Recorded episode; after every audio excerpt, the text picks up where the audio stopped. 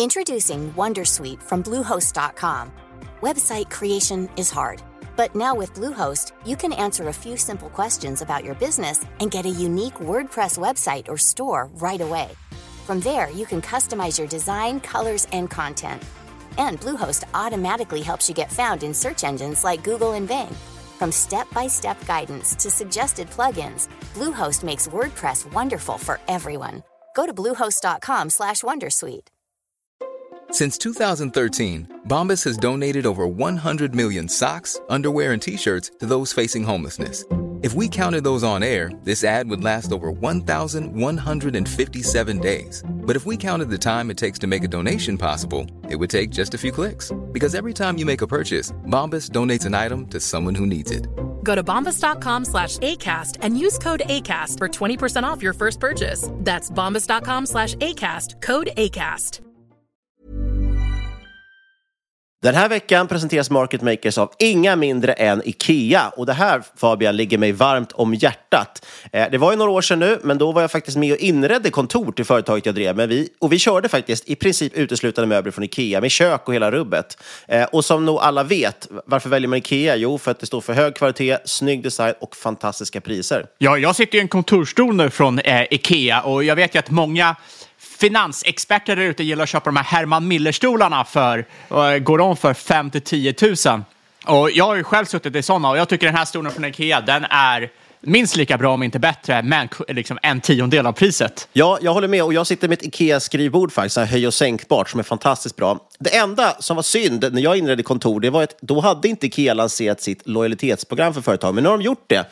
Det heter Ikea Business Network och är man med där så får man helt enkelt massvis av extra erbjudanden och förmåner. Till exempel alla inköp samlade digitalt, en timmes kostnadsfri rådgivare med företagsinredare och tillgång till alla Ikea Family-priser. Ja, och för dig som byggde kök så hade det ju faktiskt blivit ännu billigare idag. För om du går med i Ikea Business Network får du ta del av erbjudanden som ger dig 25% på köksstommar vid köp av ett komplett kök.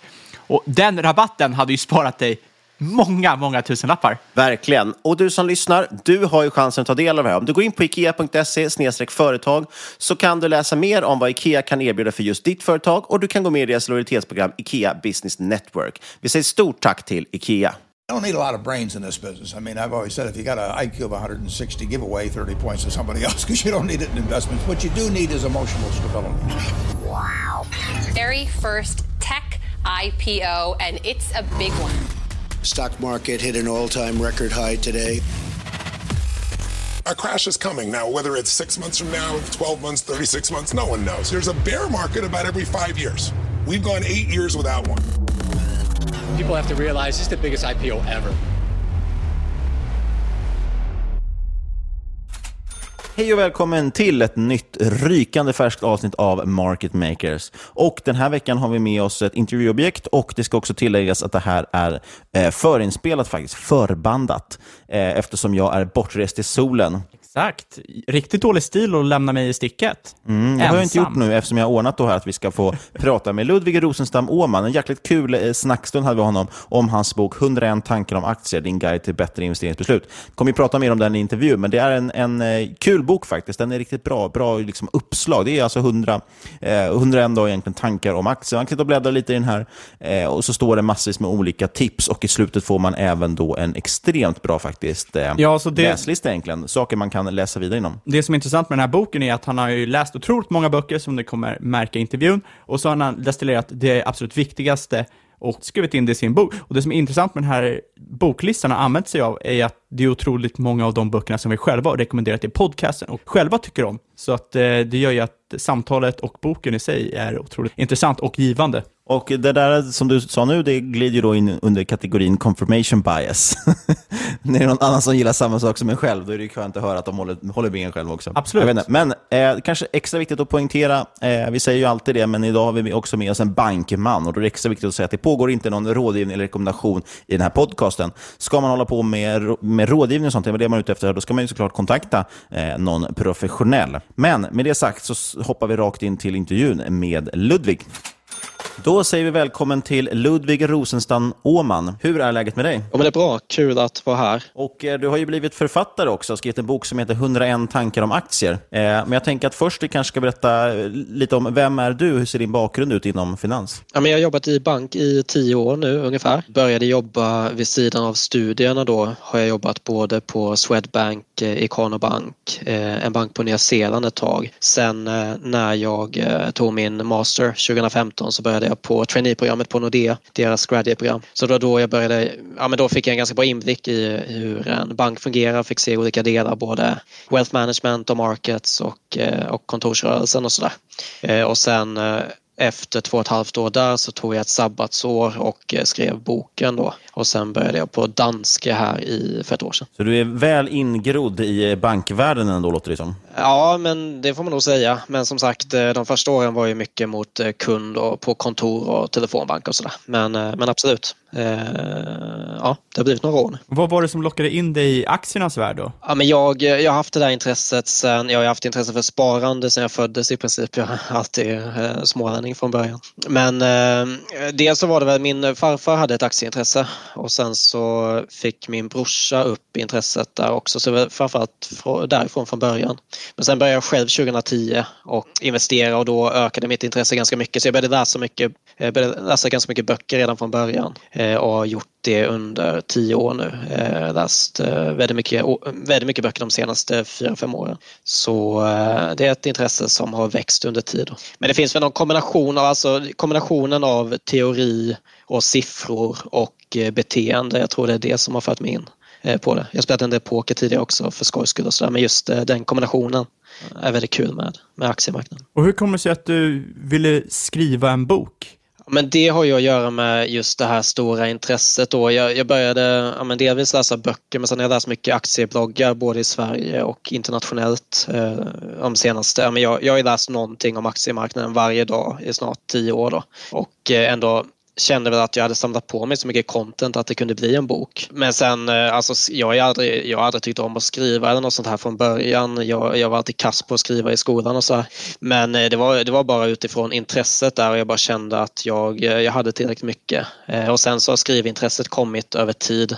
Så det var först för ungefär, så alltså jag läste ju på bara i i typ sex år innan jag började skriva. Så det var för en tre, tre år sedan som jag började skriva också. Men nu har jag ju fått upp intresset för att skriva så nu skriver jag i princip varje dag. Eh, mycket för, för jag gillar processen. Så. Eh, jag gillar den här boken. Den heter ju som sagt 101 tankar om aktier.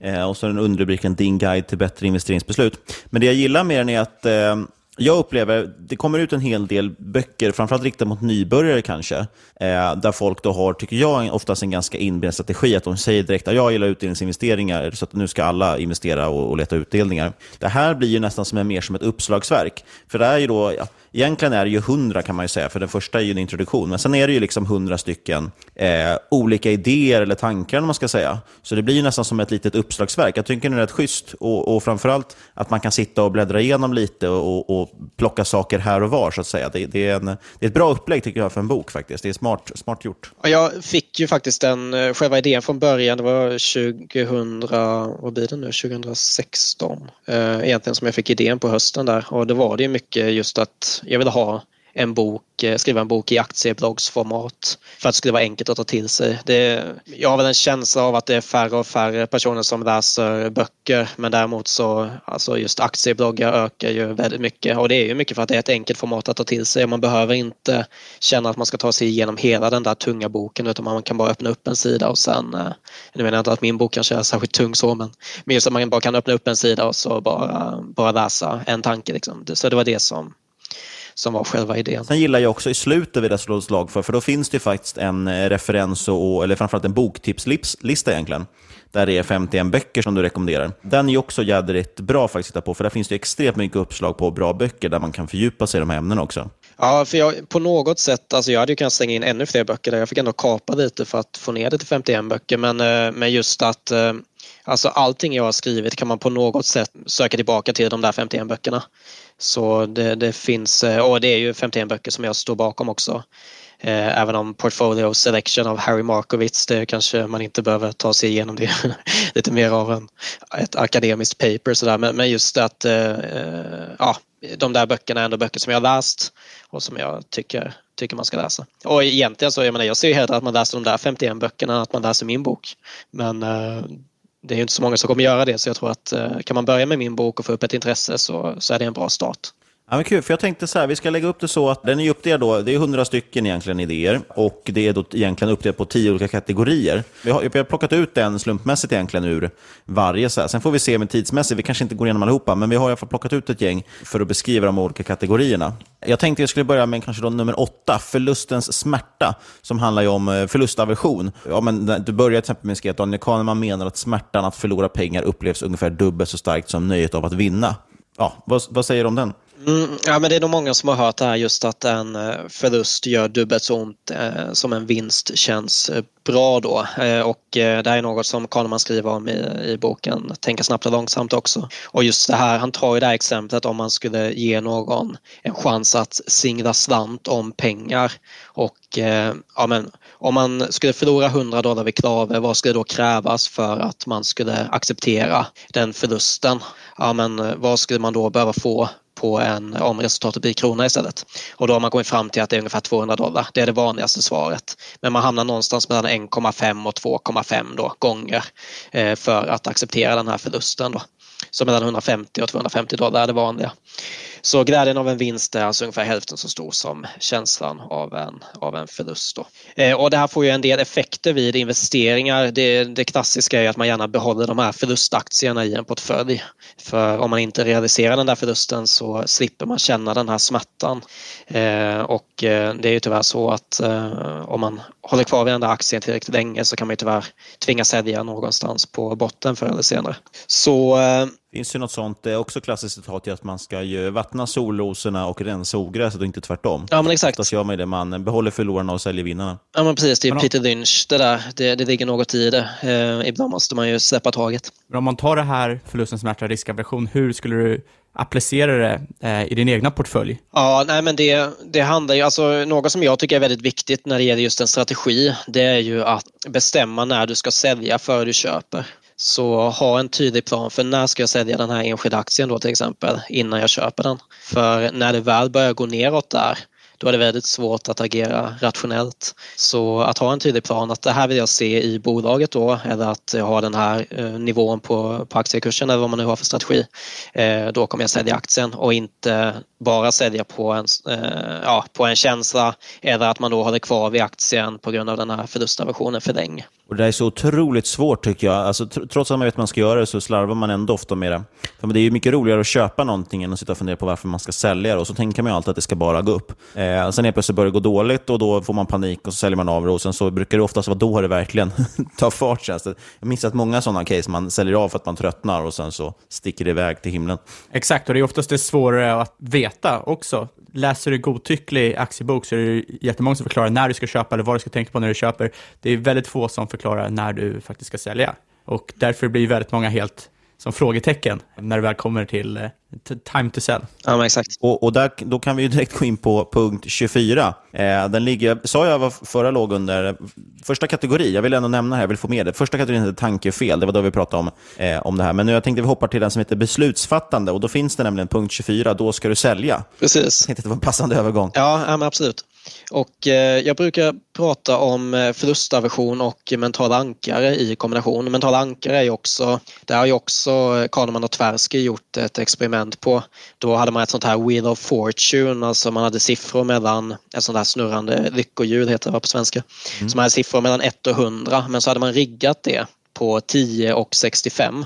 Och då eh, lät man då den här försöksgruppen snurras och de som hamnade på, eh, ja, då var det vissa som hamnade på 10, vissa som hamnade på 65 och sen gav man dem en fråga. Man frågade alltså hur stor andel av FNs medlemsländer ligger i Afrika? Och det var det ganska tydligt då att de som hade fått siffran 10, de sa 25 procent medan de som hade fått siffran 65 sa 45 procent.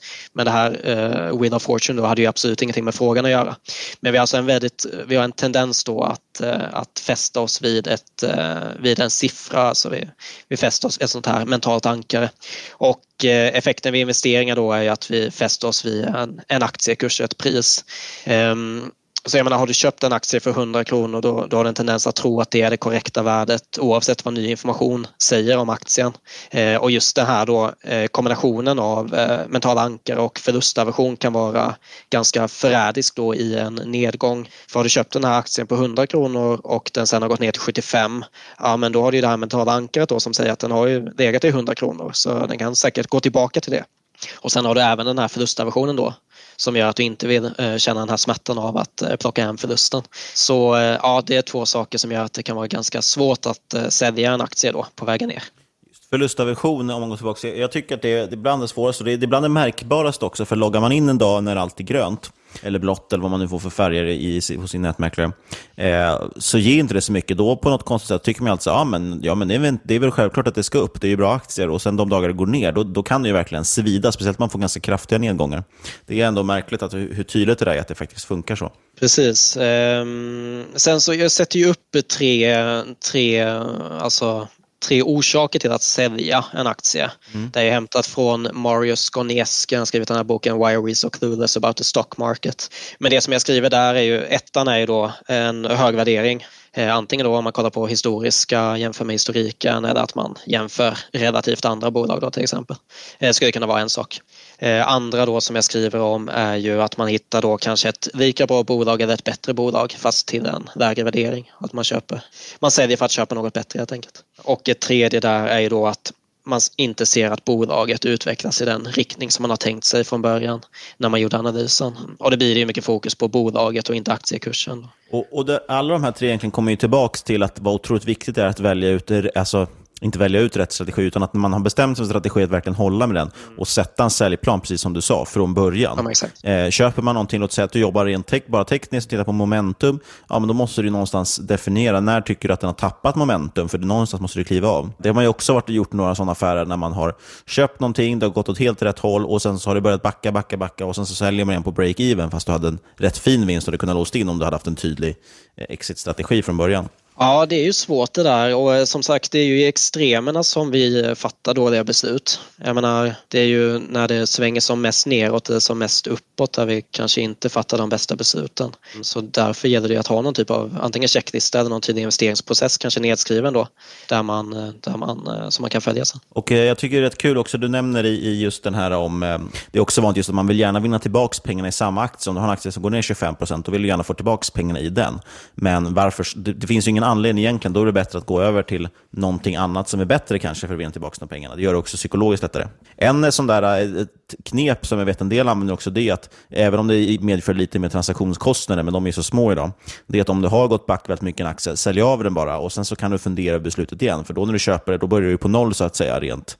Psykologiskt blir det lite enklare att inte se de röda siffrorna. Så ska man inte göra det hela vägen ner till botten. Men... Sen det du säger angående checklistor är ju otroligt värdefullt som väldigt få privatinvesterare faktiskt använder sig av. Och det behöver inte vara så komplicerat egentligen. Det kan vara tre anledningar varför du ska hålla, tre anledningar varför du ska sälja. Och eh, så länge de tre anledningarna fortfarande lyser grönt, ja då behåller du. Och när det börjar lysa rött i anledningen att sälja, ja då ska du sälja. Och det gör det ju mycket lättare faktiskt, när det går dåligt, men inte av liksom, korrekt anledning eller anledning du har plottat ner, att faktiskt hålla kvar i aktien eh, så att du inte säljer utan anledning eller säljer av skräck eller liknande. På samma sätt så håller du inte kvar den när det faktiskt går emot vad du tidigare trott. Mm. Ja, men precis. Och just det här att man behöver ju faktiskt inte fästa sig så mycket vid en aktie heller, precis som du sa där innan Niklas, att man behöver ju inte vinna tillbaka i, i samma aktie. Man kan ju faktiskt gå ur marknaden ibland och eh, ta, ja, se saker från ett nytt perspektiv helt enkelt. Det, det är ganska enkelt, det är ju det här med endowment effekt också, ägoeffekten.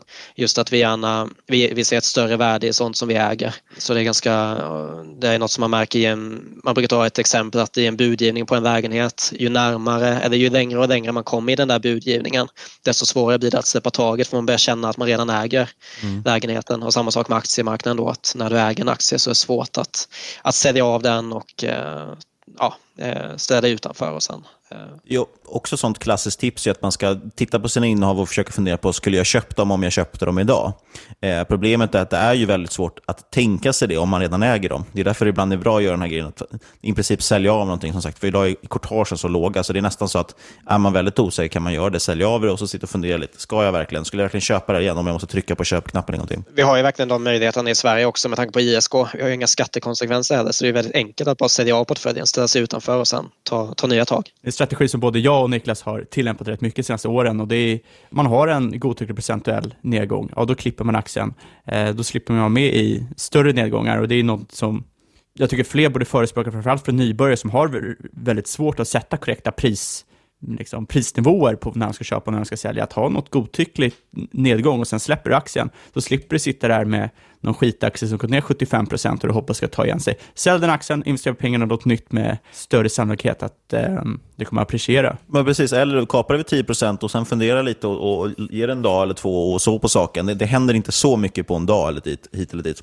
Så att man kan ju faktiskt fundera igenom det och sen se om man vill köpa den igen. Jag tänkte att vi skulle ta punkt 55 också om eh, resultat utan analys, heter den. Det låter ju positivt om man kan få det. Eh, och det handlar ju om kvantitativa strategier. Precis. Eh, jag har ju varit inne på det tidigare, men jag skriver om 80-20-principen också. Och kvantitativa strategier är ett bra sätt att få en stor del av resultatet, men till en relativt eh, liten insats. Då. Jag lyssnade faktiskt på eh, Toby Carlisles eh, podcast idag. Eh, han som har skrivit Acquirers, Multiple och Quantitative Value och så. Men han intervjuade han Gregory Zuckerman som har skrivit den här boken The Man Who Solved the Market. det är han, Renaissance Technologies. Mm, det har jag just nu. Ja, ah, Jim Simons, precis. Ja, men, och det, jag bara tyckte det var intressant för eh, tydligen så, jag har inte läst boken själv men eh, tydligen så skriver han i boken just att eh, det är någon gång där under 2016 när börsen går ner kraftigt och eh, Simon då är på semester och då ringer han in till kontoret och säger bara ja men ska vi inte göra någonting nu? Så eh, alltså då har han ändå byggt upp det här och det är den mest, eh, mest framgångsrika kvantbaserade eh, hedgefonden någonsin men inte ens han kan följa strategin. Så min poäng här är bara att eh, för att ha och följa en kvantitativ strategi så behöver du ha väldigt mycket tålamod och disciplin för det är väldigt enkelt här att eh, vilja eh, gå in och peta i det. Och det, jag vet att ni har pratat ganska mycket om Magic Formula tidigare också Eh, och just, eh, jag vet att Joel Greenblatt gjorde ju någon typ av tjänst eh, kring Magic Formula 2009 där han hade två olika varianter av den. Antingen då så eh, kunde man låta tjänsten helt eh, välja ut bolag enligt Magic Formula då högst eh, earnings yield och högst return on capital. Eller så kunde man bara ta del av de bolagen och själv investera, alltså göra investeringarna själva. Men det visade ju sig efter två år då att de här som bara hade låtit tjänsten investera åt dem hade ju fått ja, men, eh, var 30-40% högre avkastning. Och det är ju mycket för att man gör en subjektiv bedömning då. Man är inne och petar i det för då ser man de här 10 bolagen eller 20 eh, eller vad det är där. Och så har man hört någonting om det på nyheterna eller så och sen så går man in och, och petar i det. Så just eh, alltså ha den här disciplinen är ju extremt viktigt på, när man håller på med kvantitativa. Det har vi tagit upp mycket. Det är ju precis som du säger, oavsett vad man tycker, man, man kommer alltid hitta på den här listan och så var jag subjektivt så tänker man, äh, jag tar de, de sju bästa för de där tre gillar jag inte. Mm. Och sen är det de som levererar avkastningen. Absolut, man tar ju bort den som, eller oftast tar man ju bort den som har gått sämst, eller de som har gått sämst, som ligger riktigt nere i skiten. Mm. Det är oftast de som är i svinbra värdering på just nu. Mm. Eh, det var ju för några var det två år sedan, Niklas, eller var det förra året? Tiden går så jäkla snabbt så jag kommer inte ihåg. Fingerprint. När Fingerprint låg i botten och eh, jag kan ju tippa på att i stort sett alla hade velat plocka bort Fingerprint och sen visade det sig att nej, men det var ju Fingerprint som var den stora, stora vinnaren i... De levererade 100% avkastning efter det. Exakt. Mm. Så att det där är helt otroligt svårt, men det visar ju också hur svårt det är med stockpicking i sig ja, också. Precis. Vad tycker du om kvantitativa strategier generellt då? Ja, men jag, eh, jag skriver ändå, någonstans skriver jag om det här just eh, vikten av att hålla sig borta för att undvika tankefel. Det här är ju när man eh, pratar med Daniel Kahneman, han har gjort en två, tre intervjuer de senaste åren ehm, och när man frågar honom då om han är bättre på att undvika de här tankefelen eller kognitiva biaserna än andra personer trots att han har forskat eh, i det här i hela sin karriär i princip, eh, så säger han nej på den frågan så sättet att, eh, att undvika dem är ju att hålla sig till något tydligt system eller en tydlig strategi. Då. Eh, så därför är ju en kvantitativ strategi väldigt bra just att du eh, helt mekaniskt bara investerar efter nyckeltal och sen så håller du dig borta och på så sätt kan du få de bästa resultaten. Så, så ja, jag, jag tycker om kvantitativa strategier är något, ett område som jag håller på och researchar nu för jag tycker det är intressant. Ja, det du säger om Kahneman är extremt intressant, för det finns ju jättemycket forskning på det som visar att eh, eh, är du medveten om din egna bias, eh, då tenderar du att vara ännu mer biased, eh, vilket är helt, det är en väldigt stor paradox, för man tänker att om man är medveten om ett fel så kommer man ju angripa det och inte vara det längre. Nej, det är snarare tvärtom, och du ser ju också hos företag, företag som till exempel anger att de är mer meritokratiska, tenderar att vara mindre meritokratiska än vad bolag som inte alls bryr sig om det. Det är extremt svårt att hantera även för proffser, om man ska säga, eller för ja. Eh, folk som är extremt insatt på det. Så att bygga upp en tydlig modell för att och bara gå efter det tror jag är extremt vettigt. Det går ju att kombinera också, alltså eh, ha en typ av kvantitativ approach till eh, stockpicking också såklart. Så. Jag tänker vi hoppar över till, eh, jag tror att det här var en av mina favoritpunkter nästan.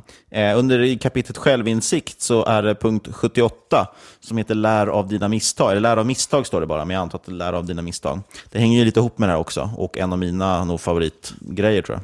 Ja men precis, det här är ju Ray Dalio, eh, Pain plus reflection equals progress. Eh, han har ju det som någon typ av mantra i Bridgewater. Eh, och eh, ja men, nej, men just det där, det är ju som sagt, det är genom misstag som vi lär oss. Eh, och så är det ju från att man, från när man föds egentligen så är det, ju, är det ju så vi lär oss som människor. Så det är ju viktigt att se på misstagen som ett, eh, en möjlighet att lära sig och inte som en, för det här är något, jag skriver om det här med growth mindset och fixed mindset också har man ett väldigt så här fixed mindset eh, då, då är det väldigt enkelt att bara ta den här, det här misstaget som ett, ja, som ett prov på då att det här, är, det här är inte någonting jag ska kolla, eller hålla, koll, eller hålla på med.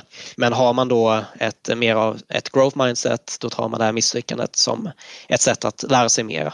Och ja, jag, jag, bara tänkte på det också. Där, ett bra boktips där är ju Big Mistakes av Michael Batnick som skriver om stora investerare och de största misstagen som de har gjort. Eh, ibland, ibland kan det vara bättre att studera misstag för ofta så, ofta så läser man ju böcker om man bara hör massa framgångshistorier men genom att studera misstag kan man kanske lära sig ännu mer ibland. Ja, ett sätt man kan testa sig själv för om man har fixed mindset eller growth mindset, det är helt enkelt att hur reagerar man om någon går emot en aktie som du äger? Om någon säger att det bolaget du älskar mest är skit och den aktien är skit, hur reagerar du? Blir du defensiv? Blir du arg? Eller tycker du fan vad intressant det här var? Undrar varför han tycker så? Eller, eller hon? Eh, och det, det, det, det tycker jag är en jäkligt bra liksom, våg. För det är ingen som är 100% fast och ingen som är 100% growth, men det kommer ju pendla lite. Och ja. bara för att hålla koll på var man själv står Precis, ja, men det där är jättebra. Det är faktiskt, jag ska snacka med dig tidigare, då hade jag tagit med det exemplet i boken. För eh, ja, men faktiskt just att när du väl, alltså, för det är ju så man ska se på det. När någon har en väldigt motsatt åsikt än vad du har, ja, men då är det ett fantastiskt läge att lära dig någonting. Eh, och väldigt intressant att höra vad den här personen har kommit fram till som du inte själv har tänkt på. Så det är ju så man, så man lär sig mer genom att argumentera för saker och lyssna på andras argument och så. Eh, så absolut. Jag tänkte jag skulle skicka med lyssna ett konkret tips tips här. Många som börjar med trading upplever, de håller ofta på med en skriven tradingdagbok där man skriver ner varje, liksom, eh, varje bett man tar så att säga och lite tankar om det. Jag tycker att fler borde göra det även med, som håller på med, med långsiktiga investeringar, att man verkligen skriver ner. Varje gång du köper en aktie, då ska du redan då definiera varför köper jag det här. Skriva också, det är där man skriver in den här säljpunkten också, varför skulle jag kunna tänka mig att sälja det här? Eh, och, och, så få ner lite grundläggande, kanske datum och pris och sådär.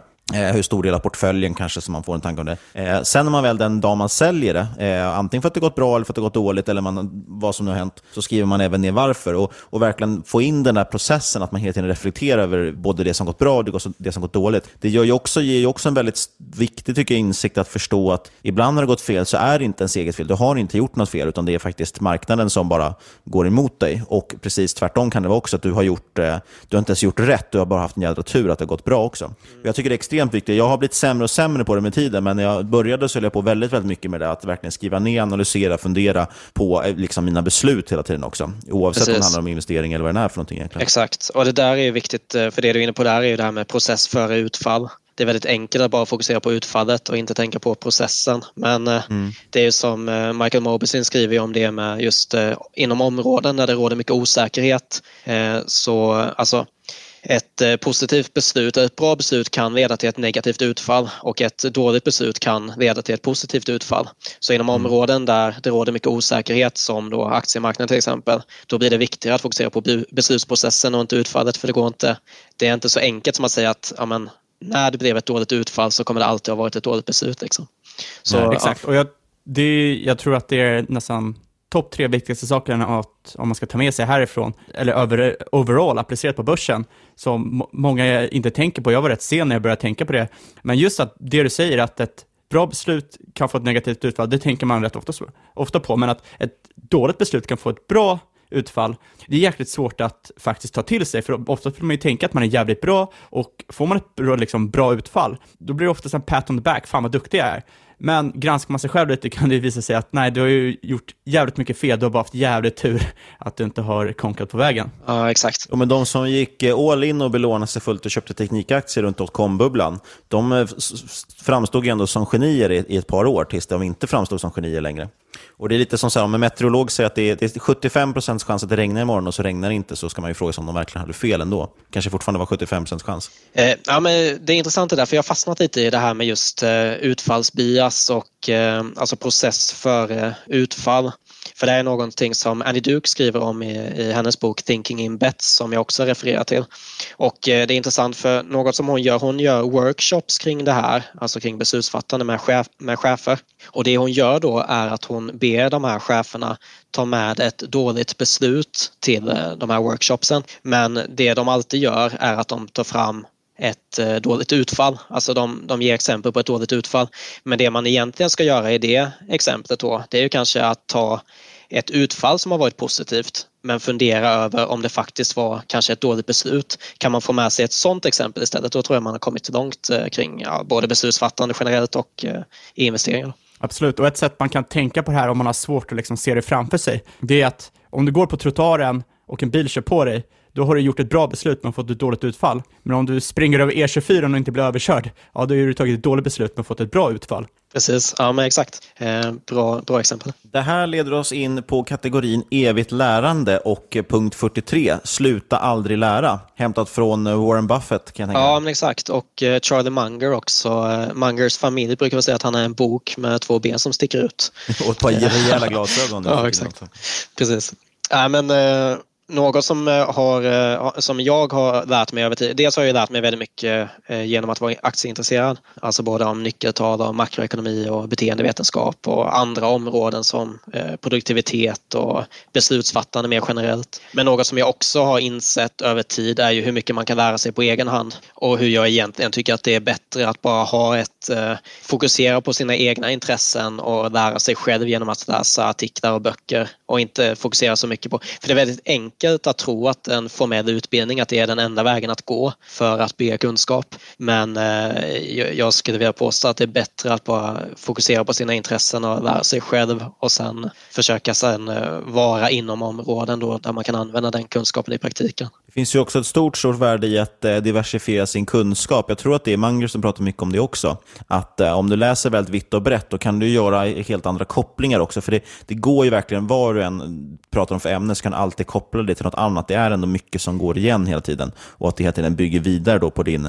ska man säga, ja, men den, den, den mängd kunskap du kan koppla till. Ja, så är det ju. Du, marginalnyttan om du fortsätter läsa i samma ämne minskar ju för varje bok du läser. Eh, läser du går in på ett helt nytt område, då kommer ju marginalnyttan vara oändlig, för du kan ju ingenting. Men om du läser den liksom 1000 plus en böcker i finans, då kommer den 1000 plus en boken vara så mycket mindre värd än om du går in och läser kanske historia eller om filosofi eller vad som helst. Och det här kommer ju också koppla in till din större förståelse om hur allting funkar och spela in eh, till finans, om det är ditt sanna intresse också. Precis. Det är faktiskt, eh, det kommer ännu ett boktips här, men jag, jag håller på att läsa den här boken Range av eh, David Epstein precis nu.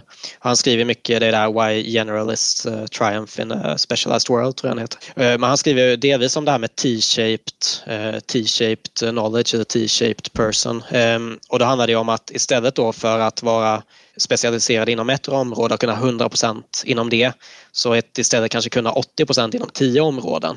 Och eh, den där typen av personer har visade sig då i, i boken skriver han om det att de är bättre att agera eh, inom miljöer där det råder mycket osäkerhet. För när man är väldigt specialiserad så är man väldigt bra på att följa saker som är statiska. Men när det blir mer dynamiskt då, då är det enklare om man har kunskap från många olika områden.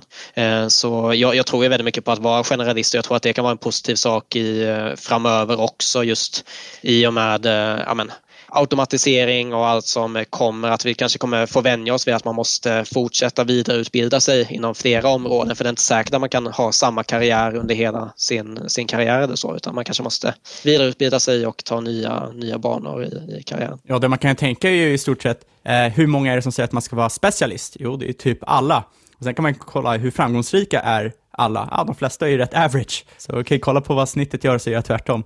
Och det skulle i så fall vara generalist här. Det finns ju två stora tycker jag, nyttor med att, att läsa vitt och brett också. Det, är ju, det ena är ju att det är såklart, det har en social aspekt också. Om du lär sig lite om mycket så kommer du alltid, kommer oftast kunna hitta någonting som den du träffar är intresserad av. Så det blir någon form av liksom social lubrikant också. Det andra är att jag tror att det finns ju ändå en väldigt mycket ränta på ränta-effekten man ska säga inom lärande, att du har compound knowledge, alltså det byggs på. Eh, den upplever jag att den, den blir större också om du har ett ganska vitt, vitt spektrum som du eh, lär dig grejer om. För nästa gång när du hakar på, nu ska börja, börja bli intresserad av biologi, säger vi, så börjar man läsa om det. Ja, då finns det oftast mycket koncept och saker där som du kanske kan haka på det du har läst tidigare, liksom, så att du förstår saker ju snabbare ju hela tiden på något sätt, när du bygger upp en, en kunskapsbas. Och det är compounding det också. Precis. Mm. Eh, ja, och det, det, är ju intressant det där också för jag, min absolut den, den eh, bästa finansskribenten i världen skulle jag vilja påstå är ju Morgan Housel. Och jag tycker hans sätt att se på saker, han, han tar ju helt andra områden och applicerar det på aktiemarknaden. Han kan skriva väldigt mycket, alltså djupt om historia till exempel och sen så applicerar han det på, på hur det ser ut idag, alltså tar något helt annat område och så applicerar han det på aktiemarknaden. Och jag gillar ju den, det är ju lite så jag har försökt att skriva boken också, att jag tar kanske något, eh, en produktivitetsmatris och sen så applicerar jag den på aktiemarknaden. Just för att jag tycker om att eh, ta en vinkel från något annat område och se hur man kan använda det i ett nytt område. Eh, och det där är någonting som jag såklart försöker, försöker bli bättre på också eh, över tid. Vi hoppar rast vidare till kategorin långsiktighet och punkt 38, det är aldrig för sent. Ja, precis. Jag, jag är själv något av en planeringsmänniska och det är det jag skriver om bland annat i det här kapitlet. Då. Jag tror ju på att dels planera aktieinköp som en viktig sak och också planera i privatekonomin. Eh, jag skulle vilja påstå att eh, genom att planera i sin privatekonomi så har man möjlighet att vara spontan och eh, man slipper de här kostnaderna som kanske kan uppstå där du, där du tvingas vara icke-spontan i princip och kanske tvingas ta ut någon kredit eller så. Mm, så det är ju en del i det som jag skriver om där. Sen så det handlar ju mycket om också just Alltså när det gäller alltså långsiktigheten, ja det där kan ju vara olika beroende på vem man är som eh, person. Alltså jag, jag skriver om det här att en, en 20-åring kan ju faktiskt ha kortare tidsperspektiv än vad en 60-åring kan ha på aktiemarknaden. Så eh, det handlar ju mest om när du behöver pengar då. Så eh, det är ju väldigt personligt just det här med, med, med långsiktighet då. Och du drar ju upp det här klassiska citatet här, eller kinesiska ordspråket. Den bästa tiden att plantera träd var för 20 år sedan. Den näst bästa är nu. Mm. Eh, och det, är lite så här, det tycker jag är ganska klokt. Jag tycker man hör det ganska ofta, folk som tycker att ah, men nu, nu är det för sent. Vad synd, man skulle behövt investera för 20 år sedan. Så kan man känna sig, ja, fast den här personen är 50, då, då borde de, de fortfarande förväntad livslängd på, på 35 år kvar. Det är ganska lång tid. Precis. Och sen bara att ha som vana att eh, sätta undan en procentuell del av inkomsten och och eh, lägga in den i ett aktiesparande och att det man ändå inser eller man, man ser det som att det här är pengar som jag inte längre har till mitt eh, förfogande då. Bara den vanan är ju viktig sen för om du kan leva på lägre levnadsomkostnader så kommer du ha fördelar för resten av livet. Så, eh, så att börja spara och investera är ju aldrig för sent. Just det där med levnadsstandard för oss in på punkt 85, fall inte i fällan som ligger under kategorin sparande. Den är jävligt intressant tycker jag också. Den handlar om det här med livsstilsuppgradering. Mm. Att Eh, det vill säga att man, man vänjer sig till att ha det bättre. Så att det är väldigt få som flyttar till mindre boende, till exempel om de inte är tvungna att göra det. Eh, men däremot så vill man gärna flytta till större och när du väl flyttar till större så är det väldigt svårt att gå tillbaka. Typexempel på det. Mm, exakt. Det finns något som heter kontrastprincipen också. Det är det att det är bättre att bo i ett eh, område där du är rikare än grannarna än tvärtom. För i kontrast till de andra då så kommer du känna dig mer framgångsrik kan man säga. Men eh, ja, vi har ju en tendens att vi tar inte till oss stegvisa förändringar väldigt enkelt. Alltså som människor så eh, vi har en tendens att eh, bara fästa oss vid vanor och ja, men, om man hela tiden höjer sin, sin levnadsstandard med inkomstökningarna efter en tid sen så kommer man ju sitta där med väldigt höga kostnader. Det kan vara samma sak med, med träning om man, om man eh, ja, hade, hade en väldigt så här bra ämnesomsättning och tränade mycket i 20-årsåldern och sen så tio år senare så, eh, så sitter man där och så har man gått upp i vikt utan man kanske har tänkt på det år efter år sådär. Så eh, ja, ja, det är svårt att ta till oss stegvisa förändringar och eh, det gör ju ändå att ju mer vi höjer våra kostnader eh, i och med inkomstökningarna desto mer förlorar vi vår frihet. Och det är mycket det det bygger på för lägre kostnader ger ändå någon typ av frihet. Alltså mer valmöjligheter, du kanske kan gå ner i arbetstid, du kanske kan eh, byta till ett mindre väl, välbetalt jobb, kanske kan starta eget. Så, eh, så just att hålla ner kostnaderna är något jag tror på. Ja, absolut. Och jag tror det här med att, att man försöker välja bort extern validitet, alltså att man känner att man blir validerad utifrån sin status, utifrån vad man tjänar, har det som drivkraft och istället försöka hitta, och det är lätt, lättare sagt än gjort, men hitta en, eh, någonting internt som validerar en, till exempel att du eh, ska växa som människa, att du ska konstant lära dig. Eh, bara ha, att ha det som, eh, som mål i livet kommer göra att det blir fruktansvärt eh, mycket lättare att eh, dra ner på onödiga kostnader, att veta, liksom, leva som det finns en morgondag. Det här är något, jag bara tänker på det här med inner scorecard, det är något som Warren Buffett brukar prata om. Han brukar ta det här exemplet, uh, do you wanna be the worst, uh, the worst lover in the world but known as the best? Or do you wanna be the best lover in the world and known as the worst? Han brukar dra det exemplet. Jag tycker det är ganska bra med just uh, att ha det här inre scorekortet då istället för att, um, ja, istället för att bara försöka nå upp till den här statusen. Det är ju något som är extremt svårt ändå att släppa och det är något man brottas med till den. Jag tycker det är inom vad den är för någonting. Man kan vara supernöjd över någon, någonting man har eller någonting man har fått, eller alltså vad den är för någonting, eller någonting man kan. Och sen finns det ju alltid någon som är bättre. Eh, typ exempel, om vi går tillbaka till det här med, med träning som du nämnde, så är det ju typ exempel. Du kan ju vara superglad över att du slagit nytt personbästa i någon övning och sen så kommer du dit nästa dag så är det, det är alltid någon som är bättre än dig själv. Jag tror att det är en ganska viktig insikt ändå att försöka komma, komma, komma till, att, att förstå att det kommer oavsett egentligen egentligen vad du gör så kommer det alltid finnas någon som är bättre än dig. Eh, och Detsamma gäller ju materiella ting. Det spelar ingen roll hur mycket du har sparat, hur mycket bra aktie, aktie liksom, eh, köp du har gjort och så vidare. Det kommer alltid vara någon som är rikare än dig, eller som sparar mer, eller som tjänar bättre och så vidare. Det, det enda jag skulle säga om det här med typ lifestyle creep som jag har pratat om, eh, det är när det går till slå lite fel. Jag ser väldigt många, speciellt yngre människor, väldigt bra, de får högre lön och jobbar sig upp och vidare och spenderar inte alls mer. Men jag tycker det slår fel när du börjar dra in på saker som förgyller dig och växer dig som människa. Eh, till exempel att köpa en ny TV kommer du inte växa som människa, men att åka iväg på någon tur ut till Asien eller till Australien eller fan, fan som helst. Det däremot kommer ju få det, det kommer ge dig andra perspektiv, det kommer få dig att växa. Eh, och där tror jag någon, någonstans att man måste hitta någon typ av eh, balans i lifestyle-creepen. Ja, men exakt. Ja, men ingen av oss är ju någon sån sparkvotshetsare kan man ju inte påstå. Vi tycker ju bägge att man måste unna sig saker. Men det gäller ju som du säger, att försöka unna sig rätt saker. Att det, det, spelar ingen roll om tvn kommer vara 10 tum större, för det kommer komma en ännu värre värstingmodell nästa år. Eh, men Precis. däremot måste man unna sig saker som antingen, antingen kan det ju vara som får det växa, men det kan ju också vara saker som du själv vet att det här kommer jag njuta av eller tycka är bättre och så vidare. Eh, det gäller att hitta en balans där, men man ska inte göra det heller för att jämföra sig med någon annan. Ja, men det är det, och det, det handlar ju mycket om att göra medvetna val. Jag menar, det är alltid okej och jag menar, man kan ju sitta och spendera hela sin nettoinkomst också, men då, då ska man ju vara medveten om det och man ska ju ändå känna att det här är någonting som jag, eh, ja, man ska inte spendera pengar som man inte känner att man får motsatt värde tillbaka för.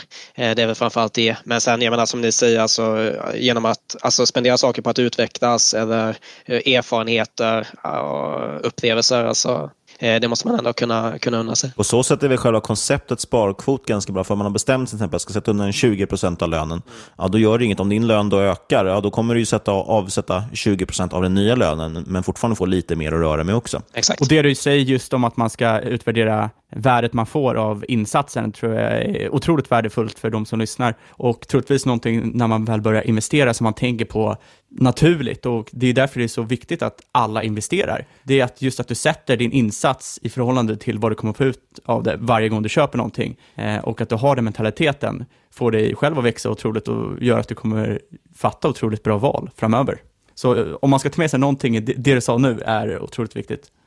Punkt nummer 70, eh, automatisk diversifiering och den ligger då såklart under kategorin diversifiering. Och det här handlar väl mycket om eh, aktier och fonder.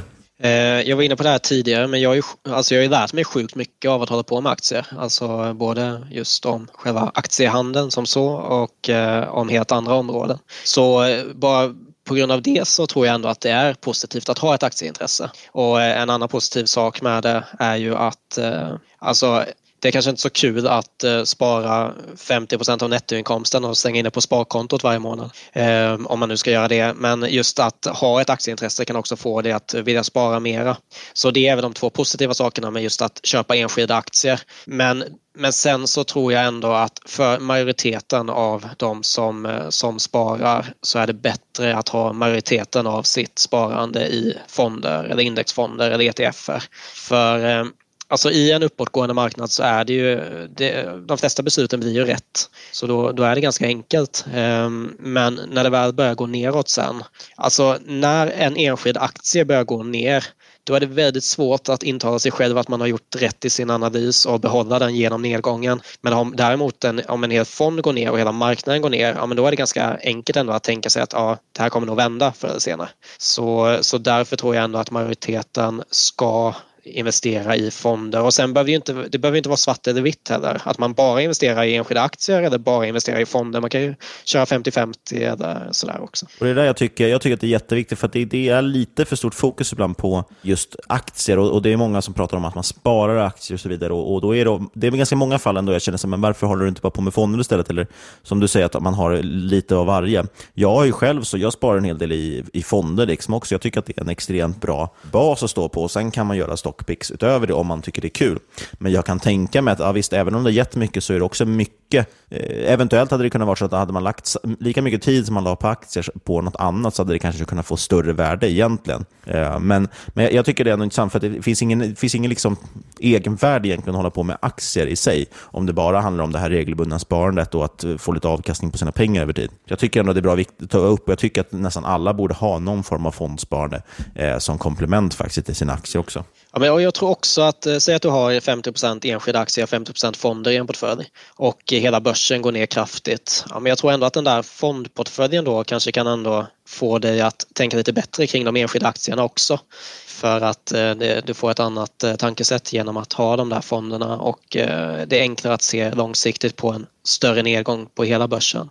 Så eh, ja, ehm, nej men eh, jag ska, alltså jag har skrivit en bok som heter 101 tankar om aktier. Så jag, jag vill ju liksom inte snacka ner aktier här men, eh, men som sagt jag tror ändå att, och särskilt som man har sett då efter en tioårig börsuppgång, det är väldigt många där ute som, eh, som tycker om att investera i enskilda aktier men eh, alltså när man kollar på finanstwitter så alltså jag, vet, alltså jag är rädd för att det kanske bara är 10-20 procent som kommer kunna hålla kvar vid sina enskilda aktier över de kommande 10, 20, 30 åren och faktiskt kunna ha den där strategin som de har satt upp nu.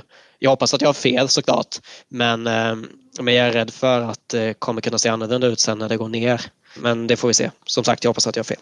Vi kan ju hoppa in, det här hänger ihop lite grann med det. Punkt eh, 94, bevara kapitalet under kapitlet risk. Den här tycker jag är intressant, att det är väldigt mycket fokus på att bevara kapital. Det är något som jag lägger väldigt, väldigt stor vikt vid. Att inte ha Förlustaffärer kommer du alltid ha. Det är, det är liksom larvigt. Det var vi inne på när vi pratade om lära misstag. Alla gör misstag och det är, det är liksom en del av grejen. Eh, men däremot att helt enkelt försöka bevara kapitalet och att inte göra några större förluster i sitt kapital. Eh, typ exempel som lyfter upp är den här, om, en, om du har en nedgång på 50% så kräver det en uppgång på 100% för att få tillbaka kapitalet. Eh, det är ju ganska, alltså förluster tär ju hårdare, både psykologiskt som vi var inne på förut, men det tär också på portföljen väldigt mycket. Och det är någonting man borde fokusera på att begränsa.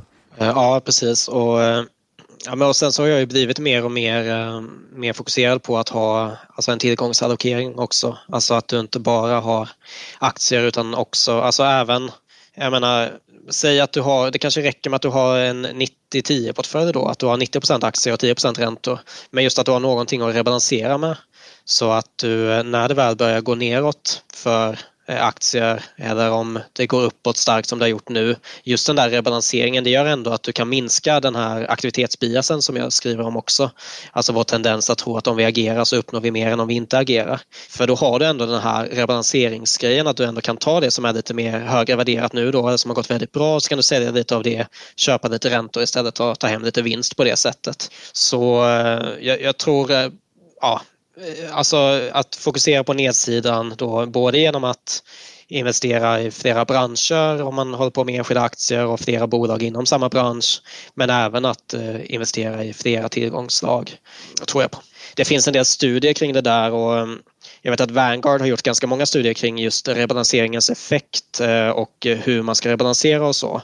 Och det vanligaste är väl att man gör det eh, vid antingen 5 eller 10 procentenheter från ursprungsläget eller då att man kanske gör det eh, halvårsvis eller kvartalsvis eller årsvis. Men det då, när de har kollat på det eh, då är det framförallt då rebalansering mellan räntor och aktier bara. Men eh, det spelar egentligen inte så stor roll inom ett år, alltså hur ofta man rebalanserar. Du kommer inte få någon större skillnad på den eh, alltså riskjusterade avkastningen. Så då räcker det att göra det enkelt och att antingen ta det årsvis eller ta det på en procentsats på 5 procentenheter. Men, men det är också någonting just att eh, Alltså tillgångsslag som har en högre förväntad avkastning eh, har ju även en högre risk och den typen av tillgångsslag eh, med den högre förväntade avkastningen de kommer ju gå bättre i, över tid i portföljen. Så därav så kommer din portfölj få en högre risk med tanke på att den här, det här tillgångsslaget med högre förväntad avkastning och högre risk blir en större del av portföljen över tid. Så alltså det är ju inte säkert att det här med rebalansering det kanske inte alltid är bra för avkastningen men det kommer alltid minska risken. Och det är ändå på något sätt det man vill uppnå eh, i och med just det här då med att eh, bevara kapitalet. Så, så eh, ja men eh, just eh, tillgångsallokering och rebalansering eh, tror jag ändå på. Ska vi ta sista punkten då? Då hoppar vi tillbaka till början. Del nummer två, mentala modeller. Det är något som eh, Charlie Mange pratar mycket om. Nummer 13, håll dig till det du förstår. Och då pratar du framförallt om kompetenscirkeln. Precis. Um, Vad är det för något? Ja, men exakt. Det här handlar ju om då, uh, ja, att man kan se, se sin eh, kompetens som en cirkel då som man ska hålla sig inom. Eh, grejen är den att om man går utanför den här cirkeln så det finns väl egentligen två problem. Alltså dels så vet man kanske inte så mycket om det området och dels så har man en tendens att inte veta hur mycket man inte vet. Och då är vi tillbaka till det här med Dunning-Kryger då att i början av eh, när man lär sig ett nytt område så har man störst självförtroende och minst kunskap men ju längre tiden går ju mer kunskap man får, eh, desto mindre självförtroende får man. Men just att börja där man står, det är något som Peter Lynch skriver mycket om också. Ehm, att fokusera på sina styrkor där man själv kanske har en edge. Så eh, har, alla har ju något område som de känner till mer än andra, kanske på grund av arbete eller att man har läst på mer om det eller att man har ett intresse. Så det kan vara bra att börja där man står och kolla på den typen av bolag. Och sen eh, kan man ju då gå vidare och göra en djupare analys. Ehm, ja, i det man tycker är intressant. Det här är ju något eh, både jag och Fabian pratar ganska mycket om. Vi är ju väldigt fokuserade på teknik och techaktier och så. Och det är ju mycket just för att ja, men vi känner att vi har någon form av högre förståelse där. Eller, alltså jämfört med, med andra saker. Det är därför alltid svårt så fort man kliver utanför det här och tittar på, sen har vi pratat om energisektorn till exempel. Ja, men då, då är det ganska bra dock att luta tillbaka mot det vi pratar om i fonder. Det är då sånt kan vara optimalt. Att okej, okay, men nu är jag intresserad kanske av att, att få in lite pengar i, låt säga energisektorn. Då är det ett ypperligt tillfälle att faktiskt ta in en fond då kanske istället för att man själv ska försöka sitta och kunna definiera vilka har bäst, eh, vilka har bäst eh, borrningsmöjligheter. Liksom. Alltså, det blir ju extremt mycket att sätta sig in i ett nytt område. Men, och, och, men det är också lite jobbigt ibland, där, för ibland ser man ju också saker som, just nu till exempel tycker jag det är väldigt intressant att läsa mycket om medtech, där det finns extremt mycket potential. Men man måste alltid ha med sig det också, kanske i bakhuvudet, okej, okay, men det här, det, är, det här är en sektor jag är svag på, jag förstår inte kanske alltid det bakomliggande. Eh, så jag, jag, tycker att det här med kompetenscirkel är väldigt viktigt, och det är viktigt att bredda den helt enkelt, som varit inne på, men samtidigt också hela tiden förstå var, var är jag grundad någonstans, vad, vad har jag liksom kunskap om för någonting. Ja, men precis. Det, det gäller att ha en, en typ av ödmjukhet inför, eh, inför hur mycket man kan och hur mycket man kanske inte kan och sådär. Så eh, absolut. Har du något att tillägga Fabian? Nej, jag tycker vi kan hoppa, det är svinbra, jag tycker vi kan hoppa över till några snabba. Precis, då har vi hoppat igenom de här delarna i boken och vi hoppar över till eh, det vi kallar några snabba. Vi slänger ut några grejer här så får du eh, ge ett, ett snabbt svar helt enkelt. Kort och koncist. Ska du ta första Niklas? Mm, absolut. Guld. Eh, försäkring. Bästa finansbok? Jag har så sjukt svårt att säga ett fåtal böcker alltid. Um... Vi ställer om frågan då. Vilken finansbok har format dig mest? Kanske, det är ingen finansbok, men kanske The Art of Thinking Clearly av eh, Rolf Dobelly. Han skriver mycket om just de här tankefelen. eh, i ett format som är väldigt likt min bok också. Så eh, en del inspiration till formatet i boken. Mobil eller datorspel? Spelar inget av det, men då får det bli dator. Passiv eller aktiv förvaltning? Passiv. För att? Ja, men för att det är så svårt att eh, slå börsen över tid och avgifterna kommer ha en stor betydelse. Sen så, eh, jag är ju ändå ett fan av aktiv förvaltning. Alltså jag tror ju på aktiv förvaltning i grunden men om jag själv ska välja så vill jag inte chansa på, på, på en förvaltare utan då kör jag passivt istället. Och sist, favoritbolaget på Stockholmsbörsen? Latour. För att? För att eh, de har gett mig 20% i avkastning de senaste tio åren. Per år. Och sen har vi en liten eh, liksom, summeringsfråga som vi brukar fråga alla våra gäster. Och det är, vad är din bästa respektive sämsta affär och vad har du lärt dig av dem?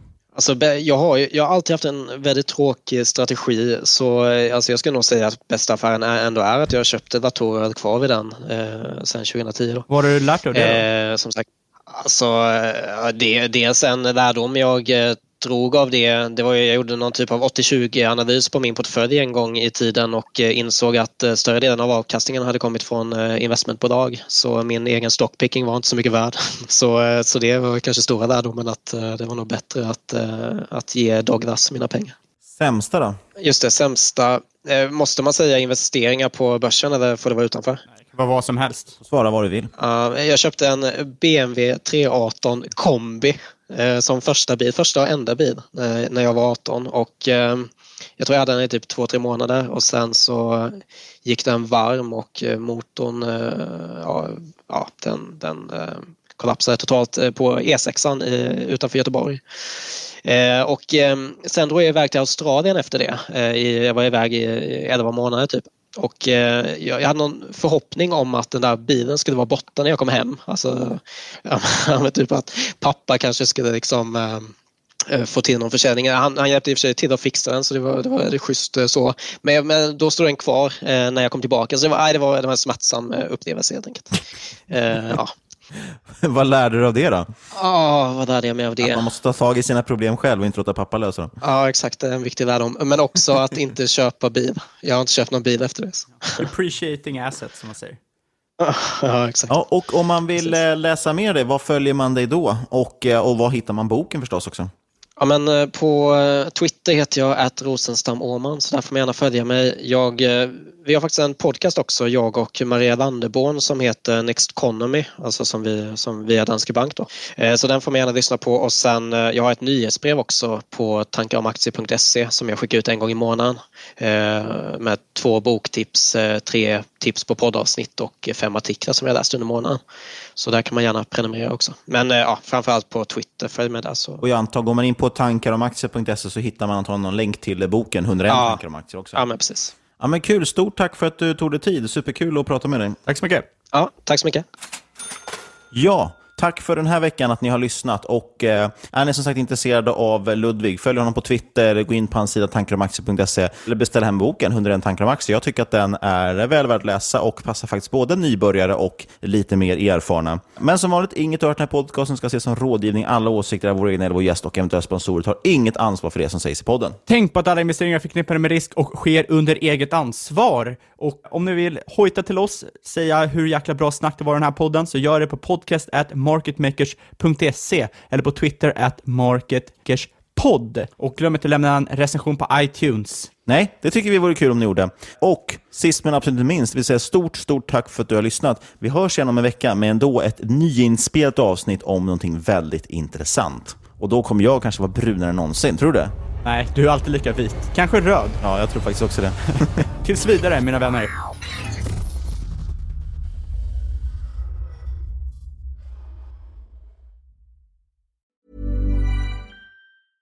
Introducing Wondersuite from Bluehost.com. Website creation is hard, but now with Bluehost, you can answer a few simple questions about your business and get a unique WordPress website or store right away. From there, you can customize your design, colors, and content. And Bluehost automatically helps you get found in search engines like Google and Bing. From step-by-step guidance to suggested plugins, Bluehost makes WordPress wonderful for everyone. Go to bluehost.com/wondersuite. Hey Dave. Yeah, Randy. Since we founded Bombus, we've always said our socks, underwear, and t-shirts are super soft. Any new ideas? Maybe sublimely soft. Or disgustingly cozy? Wait, what? I got it. Bombas. Absurdly comfortable essentials for yourself And for those facing homelessness. because one purchased equals one donated. Wow, did we just write an ad? Yes. Bombas. Big comfort for everyone. Go to bombas.com slash ACAST and use code ACAST for 20% off your first purchase.